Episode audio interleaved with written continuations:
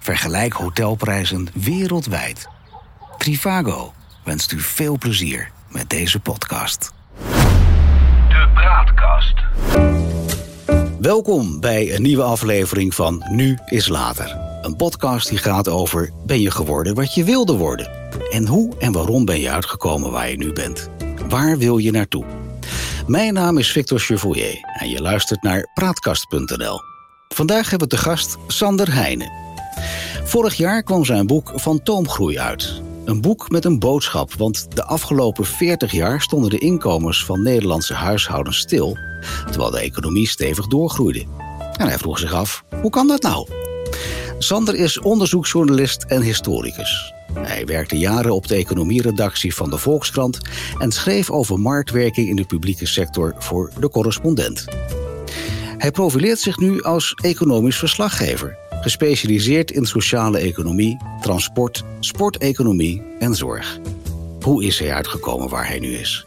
We kunnen het vandaag allemaal aan hem vragen. Sterker, we kunnen vandaag alles aan hem vragen, want hij is bij ons de gast in de praatkast. Hartelijk welkom, Sander. Goedemiddag. Um, om gelijk met de deur in huis te vallen, want daar begin ik altijd deze podcast mee. Uh, ben je nu geworden waar je als kind van droomde? Ja, je zei dat in je intro. Ik moest er wel om lachen. En ik, ook omdat ik daarover na moet denken, waar ik als kind van droomde. Ik heb een tijdje machinist willen worden. Ik heb een tijdje arts willen worden. Ik heb een tijdje militair willen worden. Ik heb daarna nog een tijd, toen was ik inmiddels jong volwassen, oorlogsverslaggever willen worden. Maar uiteindelijk ben ik denk ik wel geworden wat ik moet zijn. Mooie uitspraak. Maar wat bedoel je daar precies mee? Nou, volgens mij heb ik een vrij, um, enerzijds de intrinsieke drang om de wereld om me heen te begrijpen. Uh, maar ook om hem uit te leggen. En om hem uh, uh, anderen te laten zien wat ik zie. En wat ik denk uh, te zien. Um, en dat is een rol die, die volgens mij, dus eigenlijk ben ik een soort, eigenlijk ben ik gewoon een soort schoolmeester die de hele dag iedereen wilt uitleggen waarom ik denk dat dingen gek in elkaar zitten en hoe die anders moeten. En volgens mij is dat iets. Ik heb dat als, als, nou ja, als kind heb ik dat natuurlijk nooit zo over mezelf nagedacht. Dat zijn volgens mij ook niet analyses die je over jezelf kan maken als kind. Maar um, ja, jij dwingt mij nu om, om mijzelf op deze manier te doordenken. En ik, ik denk dat dit wel een rol is die mij die echt dicht ligt bij hoe ik in essentie in elkaar zit, ja. Maar er zit een beetje een, een, een contrast in. Want aan de ene kant zeg je, ik wil uh, leren de wereld te begrijpen. En zonder dat je hem zelf begrijpt, kun je het wel een andere uitleggen. Dat, daar, daar zit een contrast in, toch? Nou, volgens mij, kijk, de wereld begrijpen, dat is nogal groot. Ja. dus je moet proberen stukjes van de wereld te begrijpen. En als je een klein stukje begrijpt waar uh, relatief weinig oog voor is, zodra je iets hebt doorgrond, kan je het gaan uitleggen. Dus uh, Johan Cruijff zei altijd, je gaat het pas zien als je het door hebt. Nou ja, dat is natuurlijk een beetje een, uh, een cliché. Maar tegelijkertijd, er zit ook wel wat in. Hè? Als je al heel lang bijvoorbeeld om je heen ziet, een van de thema's waar ik me nu ook erg mee bezig hou, is um, je ziet dat de inflatie, in Nederland. Die is al heel lang heel laag hè, in de officiële cijfers. Maar tegelijkertijd, wat iedereen om zich heen ziet gebeuren, is dat huizen en wonen onbetaalbaar is geworden. Hm. En dat je in feite dus voor jouw geld veel minder huis kan krijgen dan 20 jaar geleden. Ja. Huizenprijzen zijn duurder. In feite is je geld op de woningmarkt dus veel minder waard. Ja, hoe ruim je dat dan met zo'n inflatiecijfer dat al heel lang heel laag is? Nou, dan blijkt dus, als je dat gaat uitzoeken, dat in het inflatiecijfer zit bijvoorbeeld wel je brandstofprijs, maar niet je woon, prijs of je huur. Dat zit daar gewoon niet in. En dat is de grootste uitgave die ieder huishouden heeft, is wat je uitgeeft aan wonen. Mhm. Dus in feite is de inflatie, als je dat mee zou nemen erin, veel en veel hoger. Hè, want die woningprijzen gaan elk jaar 10, 15 procent omhoog. Ja. Is, dus voor veel mensen is die inflatie veel hoger dan uh, de cijfers uh, doen vermoeden. En nou ja, als je dat dan eenmaal hebt uitgezocht en snapt, hè, dan kan je dat stukje van de wereld aan andere mensen gaan uitleggen. En en zo zit mijn hele werk in elkaar. Ik loop rond met vragen. En uh, ja, zo sommige mensen die, sommige mensen die gaan dan online die vragen heel erg uitvergroten. Maar ik probeer gewoon op zoek te gaan naar antwoorden die je kan verifiëren. En dan ga ik proberen dat uit te leggen aan de wereld. Dat is denk ik in essentie wat een goede journalist doet. En dat is wat ik probeer te doen. Maar dat betekent dus dat je wel heel erg geïnteresseerd bent hoe dan de economie binnen onze Nederlandse landgrenzen werkt. Dat is iets wat jou boeit. En eh, jij valt dat, valt dat op. Jij, jij zit te kijken blijkbaar. En ik vind het heel interessant wat je net zegt, maar ik zou er zelf geen seconde over nagedacht hebben. Dus het zegt wat over jou dan. Ja, dat denk ik wel. Ja, nee. En dat is dus hè, waarom ik. Ik heb eigenlijk altijd de wereld willen begrijpen. Dus ook als ik Um, ja, maar heb je het dan over de wereld in zijn algemeenheid? In, in, uh, in uh, alle, alle uh, hoeken en gaten? Of heb je het echt dan gespecialiseerd op economische interessegebieden waar jij het over hebt? Nou, die economie, daar ben ik wel een beetje ingerold, hoor, moet ik zeggen. Dus toen ik. Um, een beetje toeval. Ja, kijk, toen ik, toen ik uh, op de middelbare school zat, was ik op zoek naar actie en avontuur. En toen heb ik een tijdje gedacht, ik moet uh, officier worden in het Nederlandse leger. Dan kan je missies, kan je stoere dingen doen. En kan je zelf uh, ondervinden hoe dat is om in zo'n strijd te zitten. Ja, geweldig. toen ik eenmaal groot genoeg was om me daadwerkelijk aan te melden, toen heb ik gelukkig gekozen om eerst een tussenjaar te doen. En tijdens dat tussenjaar zag ik al vrij snel een paar vliegtuigen, Amerikaanse wolkenkrabbers invliegen. 9-11, 2001. Ja bekende verhaal. Ja, ja en toen werd uh, dat, dat, dat idee van je aanmelden bij de krijgsmacht werd best heel concreet. Hè? Dan ga je naar Irak of naar Afghanistan om daar uh, missies uit te voeren. Toen ging ik een beetje over nadenken. dacht ik, nou, volgens mij is dat niet helemaal, niet helemaal uh, de wereld waar ik mij nu voor wil opgeven en die risico's die ik wil lopen. En, en toen heb ik een tijd gedacht, ik wil oorlogsverslaggever worden. En dat had ik eigenlijk nog wel in mijn hoofd. En gewoon om het, om het fenomeen oorlog beter te begrijpen. Ik heb ook geschiedenis gestudeerd. Mm -hmm. Eh, dus ik heb de hele tijd gedacht dat ik die kant wel op wilde. Toen ik allemaal bij de krant werkte, ja, of daar kwam te werken, toen was eigenlijk de trade-off van, nou ja, je kan hier een baan krijgen als je de portefeuille uh, transport uh, voor je rekening wilt nemen. Dus toen moest ik opeens gaan schrijven over de Nederlandse spoorwegen en over de KLM en over de PTT, de Post. Dat is toch iets heel anders?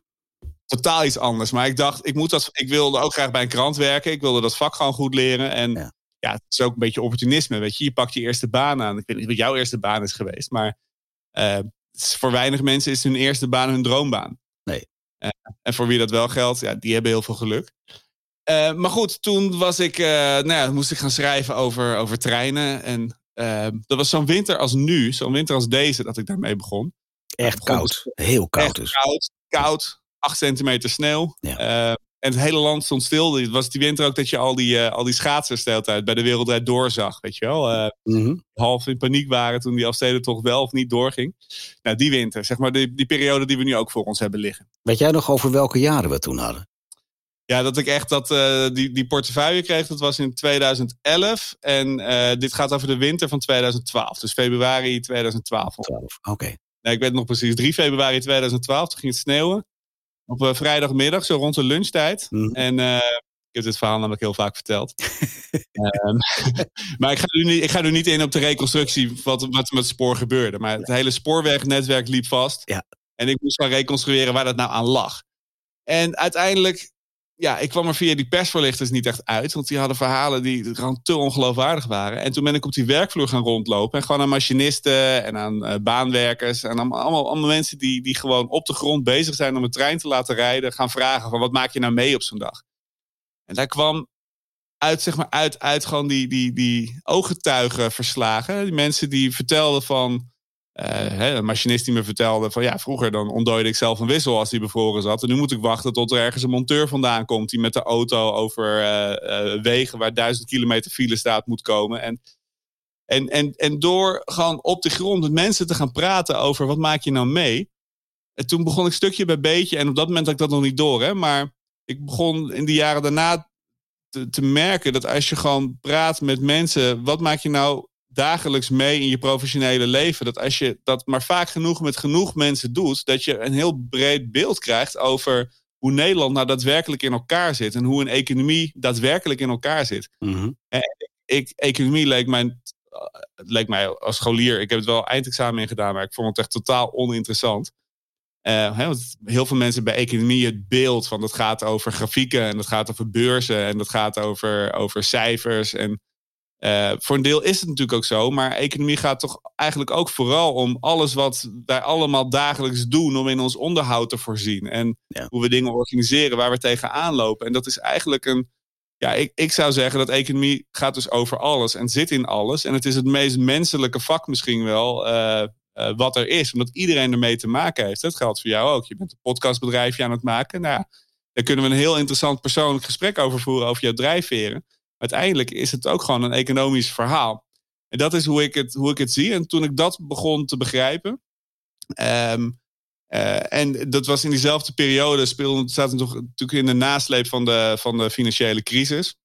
Um, ehm, 2008, dat klopt. 2008. En je hebt heel veel grote onderliggende problemen die sindsdien, die daarvoor al speelden, die nog steeds spelen. Van, van inderdaad uh, tekorten op de woningmarkt tot uh, nou ja, mensen die werken tegen minimumloon en daar gewoon eigenlijk niet van kunnen bestaan. Tot allerlei ehm, ehm, eh, tekorten in de zorg, eh, eh, migratie die we nodig hebben om banen op te vullen in distributiecentra, omdat we goedkoop willen bestellen via bol.com. En tegelijkertijd weerstand tegen de komst van migranten. die werkverzet wat we zelf niet willen doen, die we vervolgens heel slecht huisvesten. En en het, is, dus, het gaat over wat ons allemaal, ja, eigenlijk, het heeft direct te maken met al ons handelen. En ja, ik ben daar dus een beetje ingerold, omdat er een hoofdredacteur bij de Volkskrant zat. Die zei van, nou ja, je mag, uh, je mag bij mij werken, maar dit is jouw portefeuille. En nou, toen heb ik echt wel een paar keer gevloekt in mezelf. Ik dacht, nou, op deze post, hoe moet ik nou in hemelsnaam mij via de spoorwegen, waar ik nul interesse in had, gaan opwerken tot een journalist van enige naam en faam. Nou ja, je wilde vroeger wel machinist worden, dus daar zat een, daar zat een linkje. Klopt, maar er zitten wel een aantal jaren tussen, toch? Zeker. Oh, Zo'n okay. treinbestuur. Ik ben een keer meegereden met de machinist, overigens. Um, dat lijkt me heel leuk. Ja. Was ik wel, toen ik die portefeuille kreeg, een van de eerste dingen die ik ging proberen te regelen. En ja. dat is wel gaaf, ja. Ja, dat is gewoon leuk. Hey, maar wat zegt het over jou? Want, want je, je, noemt een aantal dingen. Je zegt eigenlijk als kind zijnde... joh, ik wist het natuurlijk ook niet. En laat we eerlijk zijn, de meeste mensen weten dat op die leeftijd niet. Maar je noemde uh, machinist, je noemde arts... Uh, je wilde militair worden, je wilde actie, avontuur. Um, daar zit, daar zit wel een gemene deler in. Hè? Als je het hebt over, over machinist, heb je een publieke functie. Als arts wil je graag de wereld beter maken.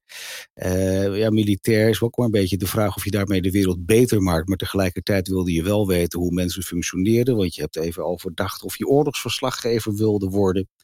Wat is naar jouw beleving nou daar de rode lijn in? Die, die, die Sander maakt wie Sander is. Ik denk uiteindelijk dat ik wel graag mensen wil helpen, ja. Dat ik wel... wat, voor, wat voor wijze dan? Wat is, wat is dan jouw toegevoegde waarde als Sander Heijnen? Nou ja, dat is eigenlijk aan anderen om, uh, om te beoordelen. Maar ik denk uiteindelijk dat mijn, uh, op dit moment mijn toegevoegde waarde aan het debat is, is om uh, handvatten te geven, handen en voeten te geven, argumenten te geven aan fenomenen waarvan mensen wel de gevolgen ondervinden en waar mensen onrustig en ontevreden over worden. Hè? Mensen die geen woning kunnen vinden, mensen die bang zijn dat ze geen pensioen hebben straks. Um, mensen die nooit aan vaste contracten komen. Mm maar, maar eigenlijk niet uh, de intellectuele uh, onderbouwing hebben of zien om, om nou echt het debat erover aan te gaan hoe we die wereld kunnen veranderen ten positieve, zodat iedereen kan meekomen. Dus ik denk dat mijn toegevoegde waarde is, is dat ik die, ik probeer in ieder geval die onderbouwing te geven, die context te schetsen op een constructieve manier waar anderen vervolgens mee uit de voeten kunnen om het maatschappelijk debat uh, zodanig een richting in te sturen dat we die problemen echt constructief kunnen gaan oplossen.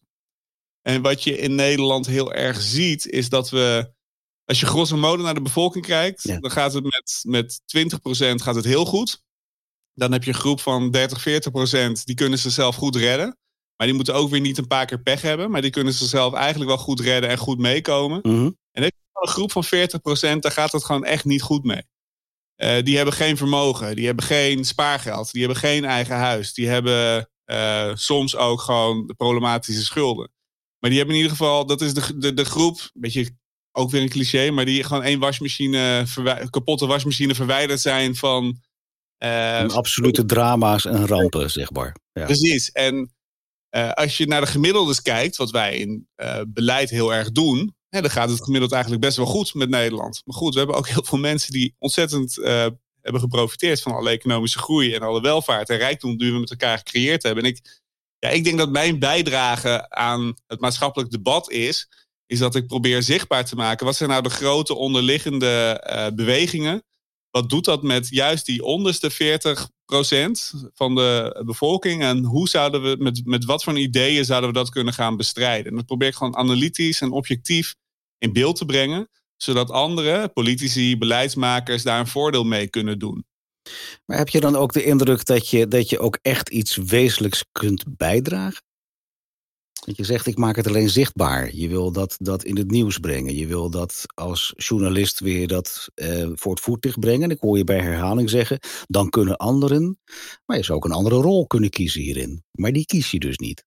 Nee, je zou politicus kunnen worden en proberen inderdaad uh, stemmen te krijgen en zelf uh, uh, in het politieke debat daar eh, wet, wetten voor doorheen proberen te krijgen. Dat kan. Ik weet, niet of ik dat, ik weet niet of ik dat kan. Ik heb ook geen idee of mensen op mij zouden willen stemmen. Ik heb dat natuurlijk nooit geprobeerd, die kant op. Nou, er zit ook een tussen, tussenweg in je. Je kunt, je kunt enerzijds kun je politiek actief worden. Nou, dat zou een leuk nieuwtje voor deze podcast zijn. Maar je zou ook kunnen bedenken van... nou, ik ga gewoon wat activistischer zijn. Uh, ik ga mijn eigen vrije tijd erin steken... Uh, buiten mijn journalistieke dingen om. Maar je kiest er blijkbaar voor om dat eigenlijk op het journalistieke vlak te houden. Nou ja, is, overigens, is overigens geen oordeel, hè? Het is gewoon een opmerking als freelance journalist is er sowieso een, uh, een uh, dunne lijn tussen wat nou mijn vrije tijd is en wat nou mijn professionele tijd is. Want ik doe een boel dingen uh, onbezoldigd. Ja. een van de dingen die ik onbezoldigd doe, is ik praat heel veel met politici. Ja. En een aantal jaar geleden was ik vooral met politici in gesprek als interviewer, hè, om informatie op te halen. Maar ik merk dat ik uh, wat ik in mijn werk doe, ik haal eigenlijk voornamelijk mijn informatie op uit de samenleving. En ik ben de afgelopen jaren wel steeds vaker naar Den Haag gegaan om uh, met politici gewoon te praten over. Van, ik zie dit en dit en dit misgaan. En daar zou je wat mee moeten doen. Mm -hmm. als je met een, uh, met een, met een leider uit de VVD zit, dan is het toch goed om te benoemen dat het liberalisme, een van de essenties van het liberalisme, is dat je jezelf kan opwerken. Maar daarvoor moet werken wel lonen. En als je dan bij herhaling ziet dat beleid wat de afgelopen 10, 20, 30 jaar is gevoerd, ertoe heeft geleid dat werken steeds minder lonend is voor mensen, ja. waarmee het onmogelijk wordt om je op te werken, dan is dat denk ik toch heel nuttig om dat gewoon in een één op één gesprek met mensen die aan partijprogramma's schrijven, om dat uh, ook goed uit te leggen. Dus niet alleen via de krant, maar om, om dat gesprek te voeren. En dat doe ik met VVD'ers, CDA'ers, met mensen van de ChristenUnie, op links met uh, Partij van de Arbeid, met uh, SP'ers, weet je. Met al die GroenLinks, met al die partijen ben ik uh, de afgelopen jaren wel in gesprek geweest over, um, over die thema's waarover ik schrijf. En dan kan je, dan kan je, kan je op allerlei manieren kan je dat duiden natuurlijk, maar ik zie dat als onderdeel. Dat is sowieso. Ik kan ze geen rekening sturen als ik met ze ga praten, uiteraard. Dus dat doe ik in mijn vrije tijd. Maar het is, maar het is onderdeel, vind ik, van, van, van een soort uh, constructief activisme. Om, ja, om te proberen uh, Nederland in een andere, beetje een wissel om te zetten. Om toch in een ander sport terecht te komen. Waarin we weer ja, eigenlijk meer oog hebben met, met, met de noden die toch heel veel mensen hebben in ons rijke land. Maar dat betekent dus dat je eigenlijk je positie eh, gebruikt om, om daar ook wel op een bepaalde manier invloed in te kunnen uitoefenen. Mensen aan het denken te kunnen zetten die er wel toe doen. Want dat doe je eigenlijk. Precies, precies. En dat doe ik dus overal. Hè. Dus als ik uh, nou, bijvoorbeeld vlak voordat we überhaupt nergens meer heen mochten en alles uh, online werd, stond ik nog in de achterhoek uh, in Bredevoort in een, in een zaaltje mensen toe te spreken. Ik, ik spreek, als ik ergens word uitgenodigd om mijn verhaal te komen vertellen in een zaaltje in het land, dan kom ik om mijn verhaal te vertellen. En dan maakt het eigenlijk mm. inderdaad niet uit of je voor uh, nou ja, voor, een, voor een groep, uh, voor een doorsnee dorpsgemeenschap ergens uh, in het land bent. Of dat je met een politicus van een regeringspartij aan tafel zit. Ik probeer te vertellen wat ik zie. Ik probeer ook tijdens die gesprekken ook goed te luisteren. Hè, van wat krijg je nou voor feedback? Want waar loopt het op vast? Ja. Maar wat ik, wat ik eigenlijk ook in die gesprekken. wat ik probeer te doen, is ook om mensen elkaar te laten zien. Mm mensen aan, inderdaad aan het denken te zetten over: is dit nou. Is dit, zitten we nou echt op, in een goede koers met elkaar? En wat kan je individueel doen om dat te veranderen? dus als jij, um, um, nou, als jij je zorgen maakt over het klimaat, maar je eet elke dag vlees. Ja, je kan best natuurlijk iets minder vlees gaan eten. Dat draagt bij. Uh, ga je heel vaak vliegen, dat draagt bij. Als je dat minder vaak doet. Maar als jij ja, uh, in een uh, Tweede Kamerfractie zit van een regeringspartij. Ja, dan kan je een veel groter stempel drukken op de toekomst van het land. Weet je, dan kan je.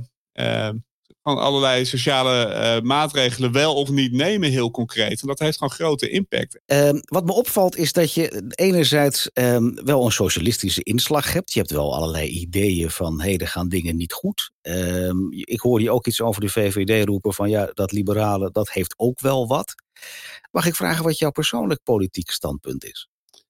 Nou, die is uh, in die zin. Uh, je, eigenlijk wil je weten welke partij ik stem, of niet? Nee, zover wil ik niet gaan. Nee hoor, absoluut niet. Ja, als je het vrij wil, geef ik ook prima. Maar dat is niet de achterliggende gedachte. Nee. Nee, ik vind het heel ingewikkeld, want ik ben uh, journalist en ondernemer. Uh, jij zegt uh, dat ik socialistische standpunten inneem. Ik denk helemaal niet dat dat per se zo is. Kijk, ik denk dat je een samenleving moet creëren waarin iedereen mee kan doen. Mm nou, kijk, wat ik dus uh, interessant vind, wat je eigenlijk mis ziet gaan in het politieke debat, is dat het heel erg nog steeds gaat over uh, socialisme of sociaaldemocratie versus christendemocratie versus uh, liberalisme. Maar wat ik er interessant aan vind, is dat het zijn allemaal denkpatronen en denkkaders die zijn geformuleerd in de 19e eeuw. Ja. En in de 19e eeuw hadden we hele andere problemen en hele andere uitdagingen dan we nu hebben. Mm en, en eigenlijk bieden die, uh, die denkpatronen, ze zijn allemaal in praktijk gebracht in meerdere of mindere mate. En allemaal leidt het tot uh, voordelen, maatschappelijk en nadelen. Maar aangezien we nu zulke andere problemen hebben, zou het eigenlijk goed zijn als we met elkaar gaan nadenken over wat voor een type oplossingen vallen erbij, passen daarbij. En ik denk dat het niet zo zinvol is om daarin terug te vallen op, op dogma's uit, uh, uit vergane eeuwen met vergane problemen. Dus Um, dat vind ik het lastig aan het politieke debat van nu. En volgens mij is dat ook waarom uh, zoveel kiezers zo op drift zijn. Eigenlijk, eigenlijk is er op dit moment geen uh, verhaal dat echt aansluit op de noden van deze tijd. Dus je zou een nieuw verhaal moeten gaan schrijven. En dat is natuurlijk ook de, waar Fantoomgroei eindigt, hè, dat boek. Wat ik overigens samen met Hendrik Noten heb geschreven. Ik wil hem niet uh, ja. laten. Mm -hmm. Maar dat eindigt eigenlijk mee met dat we op zoek moeten gaan naar een nieuw verhaal. Wat zijn nou de problemen van onze tijd? En wat zijn nou de oplossingen die daar in onze tijd goed bij passen? En in wat voor een politiek denkkader past dat? En volgens mij zijn we nog niet aan het begin van het formuleren van, van de nieuwe denkkaders. En partijen zijn daar ook helemaal niet op ingesteld. Uh, en dat is volgens mij wel echt een groot probleem. En dus, dat, dus daarom jouw vraag, waar sta ik politiek? Ik vind dat zelf dus heel ingewikkeld. Ik kan me op sommige punten heel goed vinden in het VVD-programma, op andere punten heel goed in het PvdA-programma. Maar op misschien wel de belangrijkste economische punten zie ik eigenlijk geen, uh, in ieder geval geen bestuurspartijen die dat omarmen. Het hele idee dat een economie altijd moet groeien en dat je enige oplossing uh, uit problemen die we nu hebben groei is. Ja, volgens mij is groei juist een van de grote problemen die we hebben deze tijd. Hè? Um, en, en daar moet je dus wezenlijk anders over durven denken. En ik zie dat dat nog veel te weinig gebeurt. En ik zie eigenlijk ook geen. Ja, misschien de Partij van de Dieren een beetje. Hè, die, die denken daar echt anders over. En tegelijkertijd, ja, ik ben geen veganist of vegetariër. Weet je, dus de Partij van de Dieren is niet de partij waar ik mij direct uh, thuis bij voel. En wat je dus zou willen is dat er, dat er gewoon uh, wat, wat meer ideeontwikkeling is binnen andere partijen. Of misschien moeten er, hebben we gewoon toch behoefte aan ja, hele nieuwe politieke partijen die op een 21ste eeuwse manier in de wedstrijd zitten. Maar dat zou je ook kunnen redeneren, eh, daarop even voortbordurend. Maar daarna wil ik het echt over jou hebben. Uh, dus zou je ook kunnen bedenken van, ja, maar is dan het huidige politieke systeem wat we hebben nog steeds adequaat om de problemen van nu te kunnen aanpakken? Dat is eigenlijk de onderliggende vraag die je stelt. Nou, dat, is, uh, dat merk je heel scherp op. Nee, dat is natuurlijk ook een, ook een, uh, een, een, systeem dat is bedacht in de 19e eeuw. Hè? Met je stuurt ja, een aantal afgevaardigden, stuur je naar een vergadering om met elkaar eigenlijk een soort een parlement, een praatclub ja. uh, op te richten. Omdat je, ja, je kon niet vanuit Friesland meepraten in Den Haag als je niet daar gewoon iemand naartoe stuurde. Mm.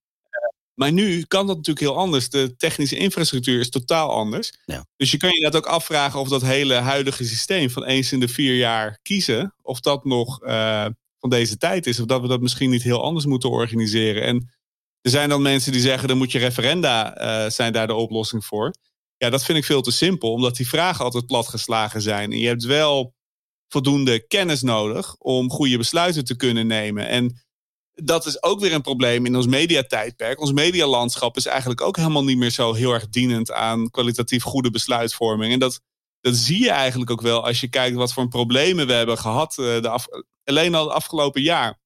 En die kinderopvangtoeslagaffaire. Ja. de stikstofproblematiek.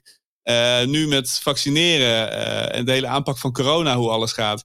Wat je eigenlijk ziet is dat het openbaar bestuur niet echt lekker meer functioneert. En veel te ad hockerig meegaat in allerlei media-hypes. En dan maatregelen neemt die ze niet kunnen overzien of niet goed doordacht zijn. Ja. Waardoor je later weer veel grotere problemen krijgt. Waarvan we denken, oh, hoe heeft het nou zo ver kunnen komen? Dus, dus ja, ik denk dat, um, dat het heel goed zou zijn als we met z'n allen naar de tekentafel zouden gaan. En zouden gaan tekenen van hoe kunnen we onze democratie hervormen. En hoe kunnen we ons openbaar bestuur kwalitatief op een uh, hoger niveau krijgen. Of aanpassen aan ja, eigenlijk aan de context van, van deze tijd. En niet van de context zoals die midden 19e eeuw was. Sander, ik, ik, ik, ik praat hier graag met je over door. En ik eh, voel een beetje aankomen dat wij eh, eens moeten praten over een andere podcast-serie voor de Praatkast. Um, lijkt me leuk trouwens. Want dat moet je ook zeggen, dat is iets wat al van een paar jaar geleden is. Dus even een tussendoortje. Uh, jaar of vier, vijf, zes geleden ben ik hier in Wageningen met een, een, een soort denktank begonnen. Met een aantal uh, wijze mannen en vrouwen. om over dit soort dingen in allereerst met een glas wijn, later is daar wat andere dingen bij gekomen, over door te mogen praten. En we zitten nog steeds een beetje in het idee van daar moeten we iets mee. En als ik jou zo hoor, man, wat zou jij daartussen passen? Maar we zitten nu in Nu is Later. En, en dat gaat eigenlijk over jou. Over, over Sander in wat hij nu doet. Wat zijn drijfveren zijn. Waarom hij het nou eigenlijk doet zoals hij het doet. Um, welke, welke eigenschappen heb jij nou, Sander, die, die jou maakt tot wat je nu aan het doen bent? Dus aan de ene kant het journalistieke, maar ook het maatschappijkritische. En ook dat, datgene wat in je zit om um, ja, zaken helder te kunnen krijgen, om, om onrecht aan te pakken, om onlogica te mogen aanpakken. Wat voor, wat, voor, wat voor eigenschappen zijn dat nou die jij hebt? Ik denk als ik uh, mag mezelf wel lekker op de sofa leggen hier bij jou. Ja, lekker hè? Ja, heerlijk. Ik denk... Het kost je dik. nog, uh, nog beter in deze tijd. Mm um, nee, ik denk dat uh, enerzijds, ook als ik een beetje terugkijk naar mijn jeugd, mijn middelbare schooltijd, dat ik wel een recalcitrant mannetje ben. Uh, maar tegelijkertijd ook heel nieuwsgierig. Dus ik wil heel graag weten hoe dingen zitten. Maar ik ben niet uh, heel snel overtuigd van uh, antwoorden die uh, gegeven worden. ik heb altijd wel de neiging en de behoefte om dat zelf te willen, dat te willen bevragen waar, waar kan uh, proberen te, te bestrijden. En daar gewoon kritisch naar te kijken. Dus ik denk dat dat wel een eigenschap is die, als ik zo'n beetje terugblik naar mijn, eh, naar mijn schooltijd. Uh, op het Je zegt eigenlijk, het zat, er, het zat er al in. Dat zat er eigenlijk altijd wel in, ja. ja. Dus dat, dat past ook heel goed. En in die zin, dat is ook heel grappig. Dus, dus dat recalcitrante, dat past ook veel beter bij mijn huidige bestaan als journalist. dan als ik uh, militair was geworden dan moet je natuurlijk gewoon in het gelid en uitvoeren wat er uh, uitgevoerd moet worden volgens jou meerdere. En dat past eigenlijk totaal niet bij hoe ik, uh, hoe ik in elkaar steek. Dus ik denk dat dat nou. Dat had wel hele ludieke situaties opgeleverd, lijkt mij.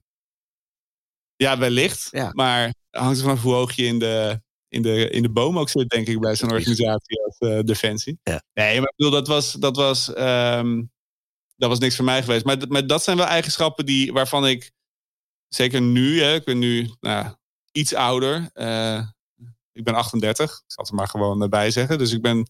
Ik word uh, gelukkig nog regelmatig uh, geïntroduceerd als ik ergens verhaal kom houden als een jonge journalist. Ja. Maar ehm, toch ook alweer enige, enige tijd, enige jaren onderweg. Ik realiseerde me laatst dat ik langer mijn rijbewijs heb dan dat ik het niet had, bijvoorbeeld. dat zijn wel, wel gewaarwordingen. Hè? Dat zijn realiseringen waarvan je denkt: oh, dan gaat het hard. Ik verrek, ik mag al twintig jaar auto rijden. Ja, ja precies. Ja. ja. Uh, maar dit terzijde. Nee, dus, dus, dus, dus dat enerzijds. Anderzijds, uh, ik geloof ook wel dat ik uh, erg gedreven ben. Of fanatiek. Het is net hoe je het wilt noemen. Mm. Ik heb ehm, als middelbare scholier heb ik ehm, een tijdje op hoog niveau geroeid.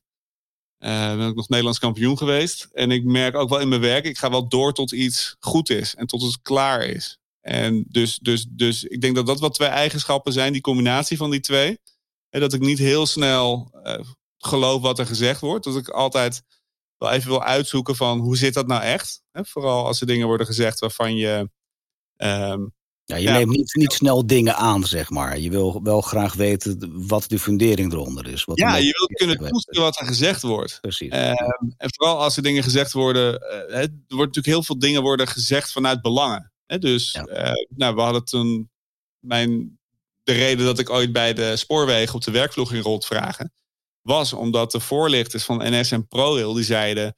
Ja, nee, maar dat, we kunnen er niks aan doen dat die uh, wissels steeds uh, dicht uh, vriezen. Want de, de, de, brokken sneeuw en ijs, die worden ijspegels in de wielkast. En als we over een wissel rijden, gaat er een schok door de trein heen. Hmm. En dan valt die, vallen die ijspegels precies tussen het wissel.